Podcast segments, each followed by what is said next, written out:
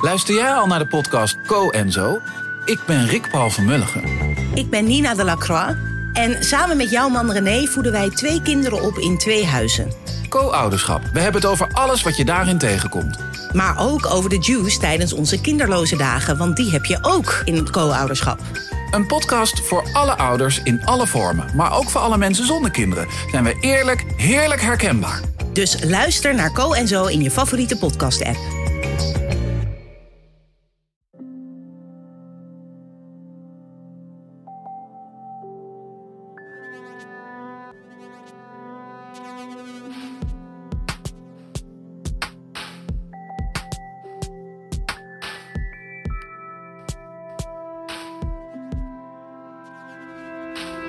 Hey, ik ben Pieter van Relaas. In Relaas hoor je waar gebeurde verhalen en die worden verteld door de mensen die ze zelf hebben meegemaakt. In deze podcast krijg je twee verhalen van onze verhalencarousel. Die heeft de afgelopen 12 weken gedraaid en elke zondagavond kon je daar met een andere groep mensen samen verhalen vertellen of beluisteren. Dat was heel tof om te doen. Ehm, wat je nu hoort in deze podcast zijn twee verhalen die alle twee over wraak gaan. Straks krijg je een regelrecht detectiveverhaal van Evert, die is op zoek naar een fluxe dief. Maar eerst gaan we luisteren naar Patrice. Het is een verhaal over zoete wraak. Maar dat komt ervan als je slecht behandeld wordt. Niet?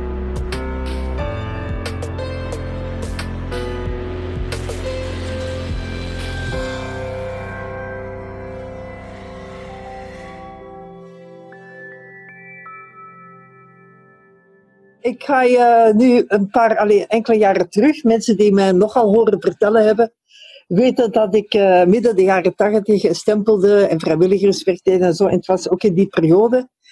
En ik werkte toen als vrijwilliger in een buurtcentrum en daar kwam Willy. En dat was een oudere man die nog werkte als zelfstandige.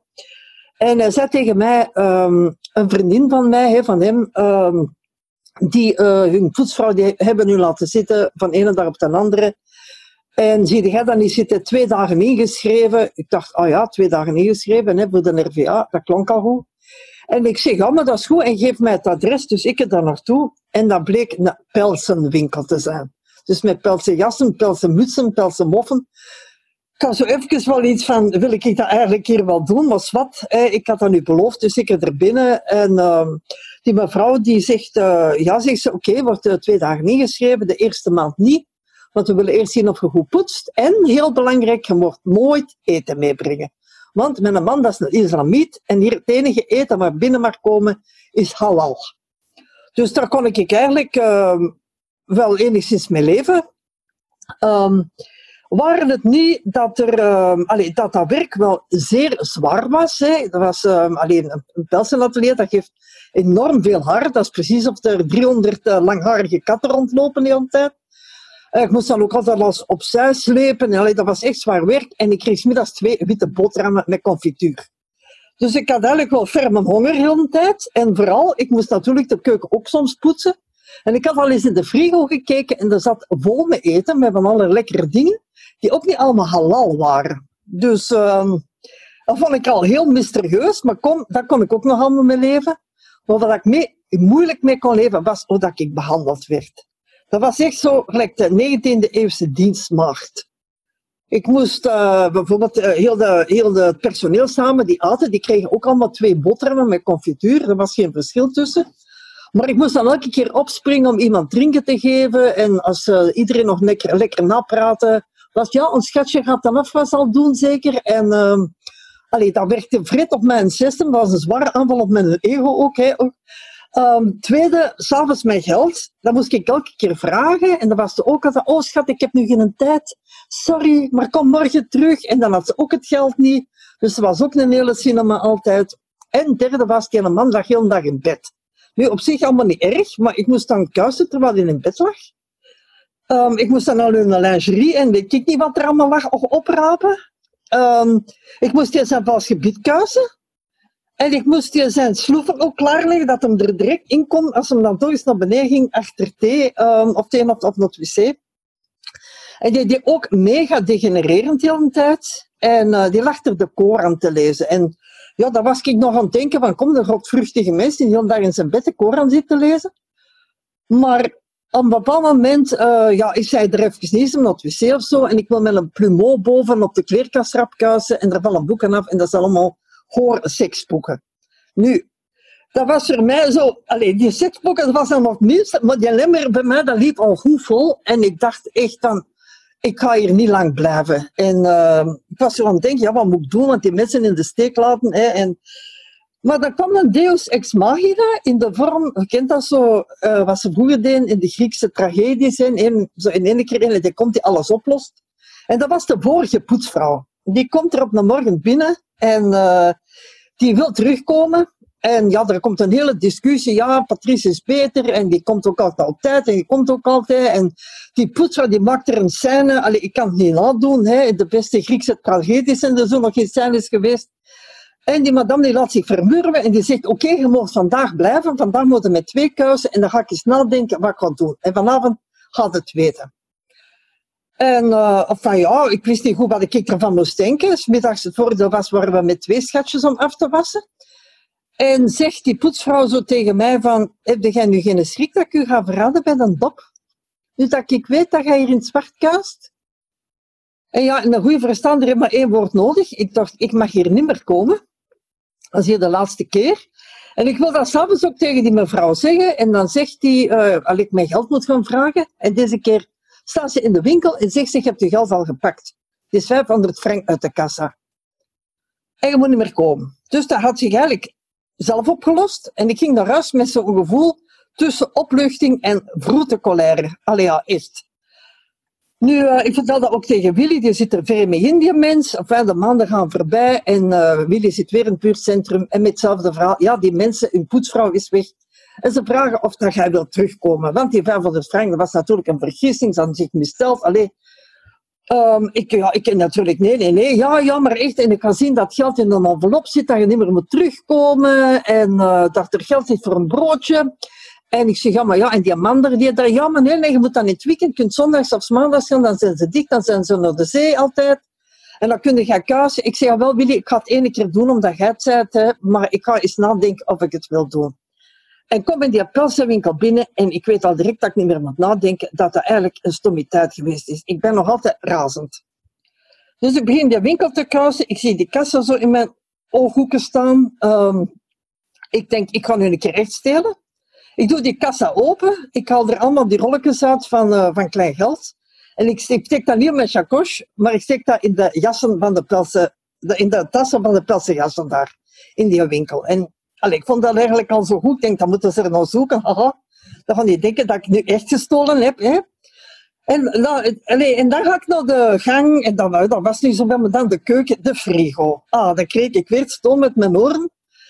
Ik denk in mijn eigen, ik ga er iets uit eten. En dan komt er zo'n black devil in mij en ik denk, ik kan niet iets eten, ik kan gewoon alles opeten. Alles wat ik hier lust, eet ik op. Dan weten die in één keer dat ik dat gezien heb, dat hier wel de allez, zeker eten in die frigo zit en dat er hier ook alcohol in zit. En dat was gelukkig maar één fles champagne. Maar die heb ik dus ook opgedronken. Een hele keer natuurlijk, dan komt niet meer kaas, maar afgetrokken en dan meegepakt overal wat ik poetste. En dan boven voor de hand liggen die koran boven op de kast en die seksboekjes op de nachttafel. En dan heb ik één seksboekje mee naar beneden genomen. Pas op, ik had heel goed gekuist. En heb ik dat in de vitrine gelegd. Op de meest gore bladzijde die erop stond. Ik had er goed naar gekeken. En dat in de vitrine. En ik dacht, hé, hé. Dus ik uh, moest dan die sleutel gaan terugbrengen bij Willy. En ik was eigenlijk zo moe maar voldaan. Hè. Uh, dat men een keer goed gevroken had. En nu doet Willy die deur open en ik geef die sleutel. Hè, en die neemt mijn hand met die sleutel en die doet dat tegen zijn hart. En die begint mij een ode af te steken over mijn eerlijkheid en mijn betrouwbaarheid en mijn rechtschapenheid. En hoe meer dat hij praat, hoe mottiger dat ik mijn eigen natuurlijk begin te voelen. En hoe fantastisch dat hij toch vindt dat ik dat gedaan heb. Want die, mens had, eh, die vrouw die had hem zo gesteund als zijn vrouw gestorven was. En ik zat er zo echt zo, ja, sorry, ik kon niet zeggen, want allee, je wist niet dat ik iets gedaan had natuurlijk, maar had ik toen de tijd kunnen terugdraaien, ik had dat gewoon echt gedaan. En uh, enfin, het, ik heb de Willy niet meer onder oren durven komen. Ik ben dus woensdag als hem kwam, dat was zijn vrije dag, niet meer naar het buurtcentrum gegaan. En vooral ook die pelsenwinkel, ja, dat was vlak bij mij. Ik moest er eigenlijk altijd langs, om het station te gaan en naar het centrum. Um, dat was alleen op maar dat was in de straat waar ik altijd langs moest. En nu moest ik, zolang dat ik er woonde, elke keer een mega omweg doen, maar ik durfde natuurlijk ook niet meer voorbij die pelswinkel. Dus ik dacht dan uiteindelijk, wie heb ik nu eigenlijk gestraft? Hè? Heb ik die mensen gestraft of heb ik mijn eigen gestraft? Voilà, dat was het verhaal.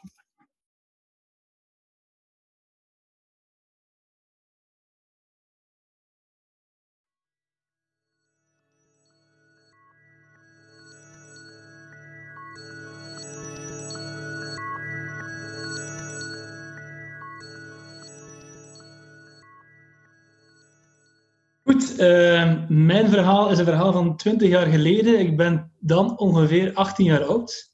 En uh, er was nog geen euro. Uh, ik weet het nog heel goed dat er nog wel Belgische frank werd betaald. Want op een goede dag ging mijn moeder naar de bank om daar de rente te gaan ophalen van uh, een paar spaarrekeningen waarschijnlijk. En dat was 10.000 frank. Um, 10.000 Belgische frank. Voor de Nederlanders dat is ongeveer 250 euro. Die dag gaat mijn moeder dus met de fiets op pad naar de bank. Zij gaat het geld gaan ophalen. En uh, zij maakt van de gelegenheid gebruik om ook nog naar een paar andere winkels te gaan in het dorp. Uh, nu, bij, het eerst, uh, bij de eerstvolgende winkel aangekomen, merkt zij dat haar fietstas niet meer op haar fiets hangt. Dus die moet onderweg ergens verloren zijn geraakt of, of ervan gevallen. Zij keert op haar stappen terug om die fietstas te gaan zoeken, maar ze vindt die nergens.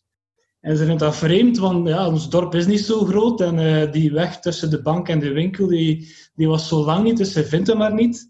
Um, dus ze raakt al wel in paniek. Um, maar op dat moment wordt ze, uh, komt zuster Ida, de nog enige over, overblijvende non in het klooster, het klooster dat uitkijkt op het marktplein van het dorp. Zij komt naar buiten en zij vraagt, mevrouw, zoekt iets. En mijn moeder doet dat verhaal en die, die, die non, zuster Ida, zij wijst naar het marktplein en zij zegt van kijk, um, zij wijst naar een auto en ze zegt van kijk, daarnet was er een meneer waarvan ik denk dat hij iets in zijn koffer gestoken heeft.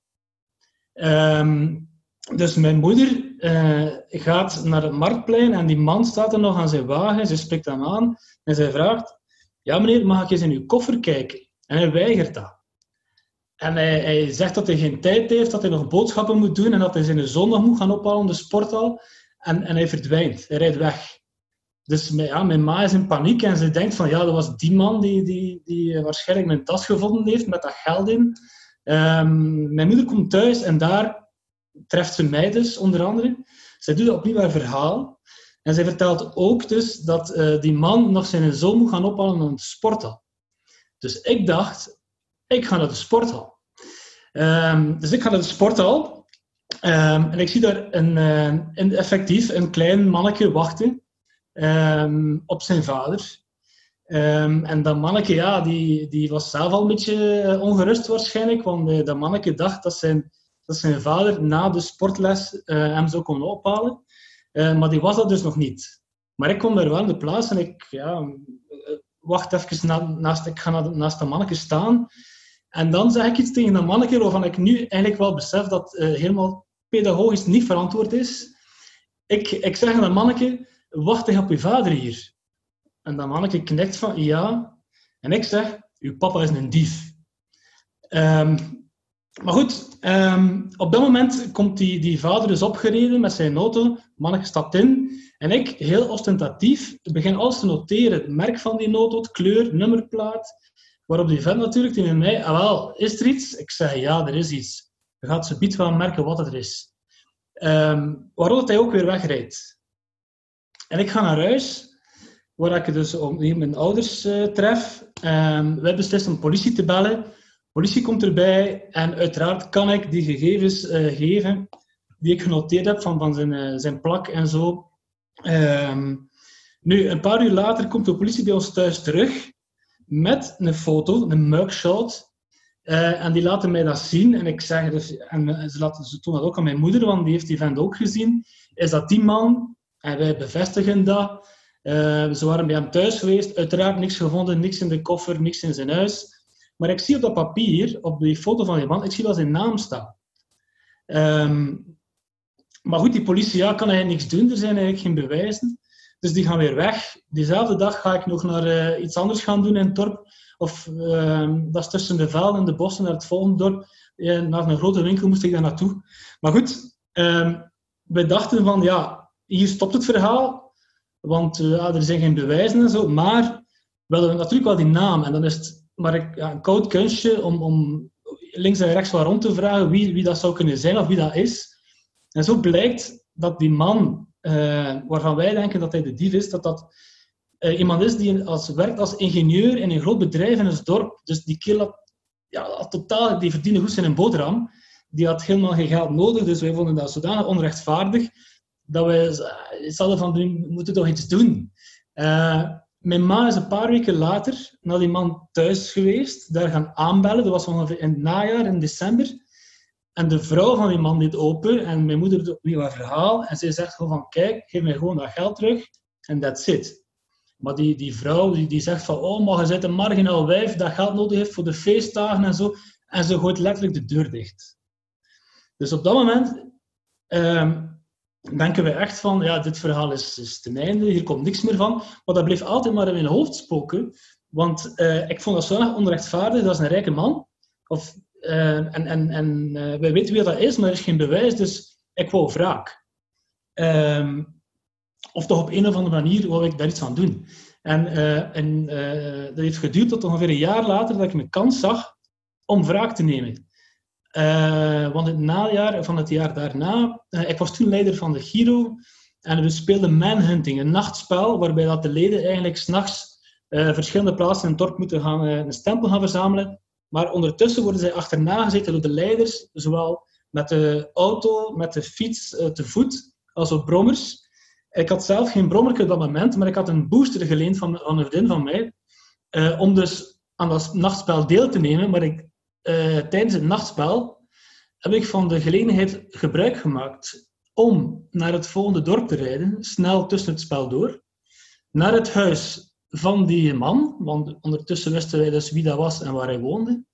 En ik heb daar, uh, evil as I am, een papiertje in de bus gestoken. Met daarop gewoon in drukletters geschreven, weet je nog Benny, want dat was zijn naam, weet je nog Benny, een jaar geleden, puntje, puntje, puntje.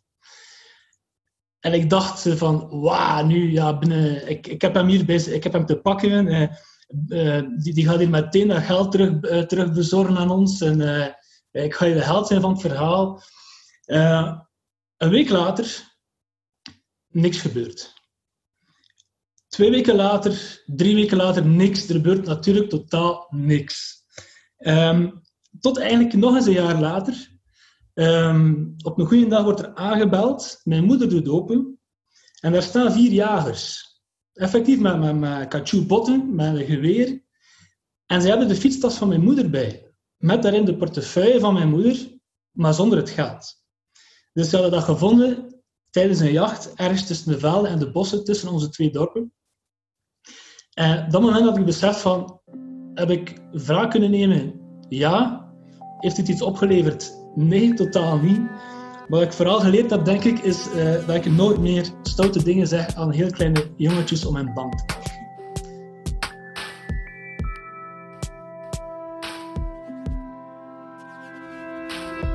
Dat was het relaas van Evert en dat van Patrice. We hebben net 12 edities van onze lockdown-variant van de relaas achter de rug. En samen met het einde van de coronalockdown hebben we ook beslist om er eventjes mee op te houden. Twaalf weken lang hebben we elke zondagavond korte verhalen tegen elkaar verteld. Dat was online. En twaalf weken op rij was Patrice een van die vertellers. Patrice die heeft mij in de afgelopen twaalf weken alvast van twee dingen overtuigd. Eén, wat die al allemaal heeft meegemaakt, daar mogen ze voor mijn part een heel boek over schrijven. En twee, ze is een geweldige verteller. En dat zag je ook aan de gezichten van iedereen die zat te luisteren op Zoom. Ik zag iemand bijvoorbeeld met een briefje met daarop de hashtag Team Patrice ik zag ook iemand die haar hoofd verstopte achter haar telefoon van spanning, omdat ze het niet meer kon houden. En ik zag vooral heel veel mensen lachen. Al dan niet met tuiten van tranen. Zo zeggen ze dat toch niet? Merci Patrice voor de 12 weken geweldige verhalen. En ik ben blij dat we er ook nog eentje kunnen delen in deze podcast. En ook bedankt aan Evert trouwens voor je verhaal over de vermeende diefstal. Evert heeft ook een ander relaas, dat vind je op onze website. En vreemd genoeg zit daar een patroon in, want ook dat gaat over diefstal. We zijn op zoek met het relaasteam in denktanks, in marathonmeetings en in conclaven naar een oplossing om in tijden dat we niet meer lekker gezellig bij elkaar gescheurd mogen luisteren naar verhalen, om toch elke week een podcast te kunnen blijven maken. De verhalencarousel is zo'n oplossing. En die zullen we dan ook blijven uh, herhalen. Maar daarnaast gaan we nu ook eens voorzichtig bij mensen op bezoek om verhalen te kunnen opnemen. Dus als je zelf een goed verhaal hebt, maar je ziet het niet volledig zitten om dat live voor een publiek te vertellen, geen probleem. Laat ons weten wat jouw verhaal is via onze website en wij nemen contact met jou op. Je wordt dan gecoacht door een van de relaascoaches en zo zorgen we ervoor dat het klinkt als een bel. Laat eens van je horen en wij helpen je vooruit. Relaas is er dankzij de financiële steun van de afdeling cultuur van de stad Gent en van de Vlaamse gemeenschap.